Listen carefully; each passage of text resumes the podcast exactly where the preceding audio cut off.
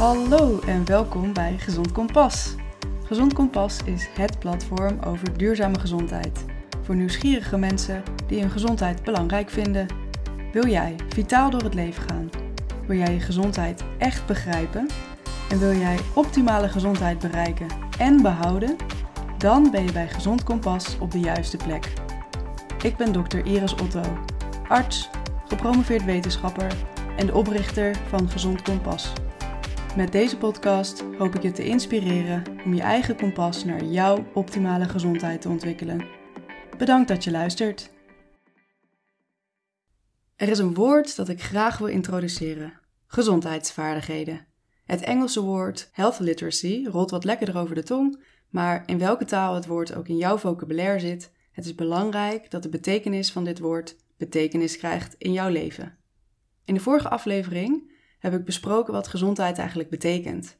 Gezondheid is een dynamisch proces van welzijn in verschillende domeinen, continu op zoek naar balans, een leven lang. Voor een belangrijk gedeelte zorgt het lichaam zelf voor die balans. Echter hebben we veel te maken met schadelijke invloeden van buitenaf en zullen we ook zelf bewust aan onze gezondheid moeten werken. Werken aan je gezondheid wordt doorgaans geassocieerd met gezonder eten, regelmatig bewegen, meer ontspanning en een goede nachtrust. En dat zijn ook een aantal zeer belangrijke pijlers van een gezonde leefstijl, die je zeker terug zult zien komen op dit platform. Echter ligt het fundament van gezondheid ergens anders, namelijk in de vaardigheden die je hebt om aan je gezondheid te kunnen werken. Om regie over je gezondheid te kunnen nemen, heb je zogenaamde gezondheidsvaardigheden nodig. Naast algemene vaardigheden zoals lezen, schrijven en rekenen, gaat het ook om sociale, communicatieve en digitale vaardigheden.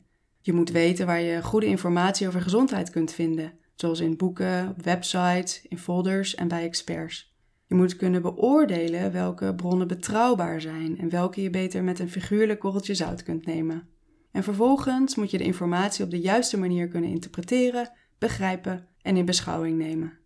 De werking van het lichaam, gezondheid en ziekte omvatten complexe processen Goed begrip kan dan een uitdaging zijn en vaak worden onderwerpen daarom in Jip en Janneke taal uitgelegd.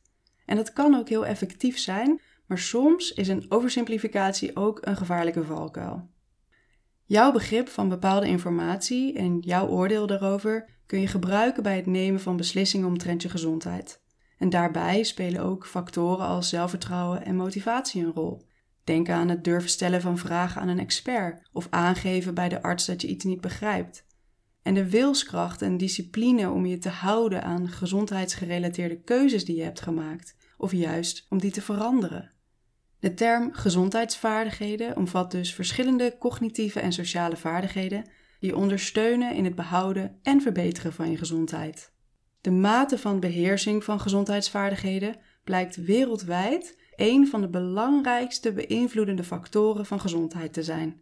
Lagere gezondheidsvaardigheden hangen samen met een minder goede gezondheid en een grotere kans op overlijden.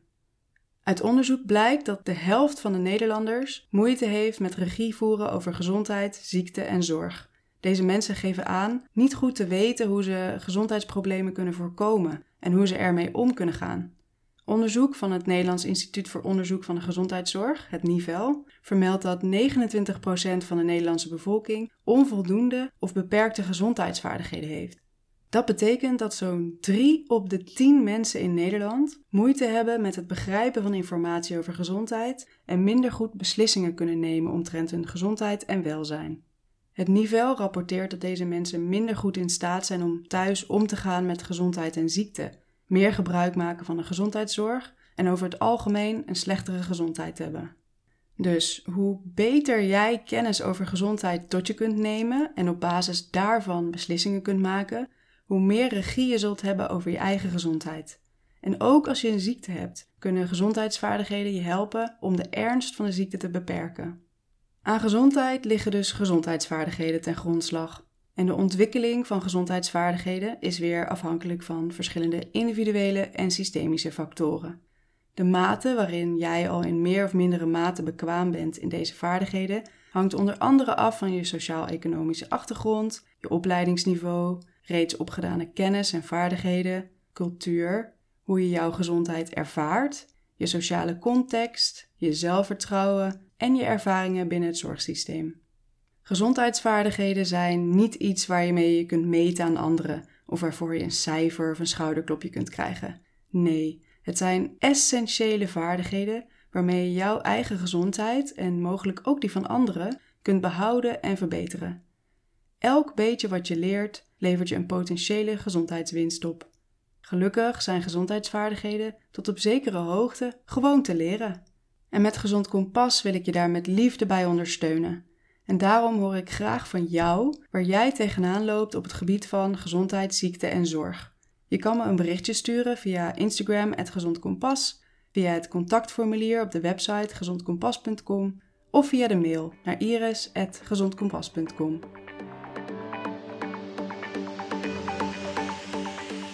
Je luisterde naar de Gezond Kompas podcast met Dr. Iris Otto. Als je deze aflevering waardevol vond, deel het dan met anderen en laat een beoordeling en een recensie achter. Dit helpt ontzettend om de podcast te laten groeien en ik waardeer je moeite heel erg. Abonneer je op dit podcastkanaal om op de hoogte te blijven van nieuwe afleveringen en volg Gezond Kompas op Instagram. Voor alle artikelen, downloads en andere handvatten voor een duurzame gezondheid, ga naar gezondkompas.com. Nogmaals bedankt voor het luisteren en tot de volgende keer.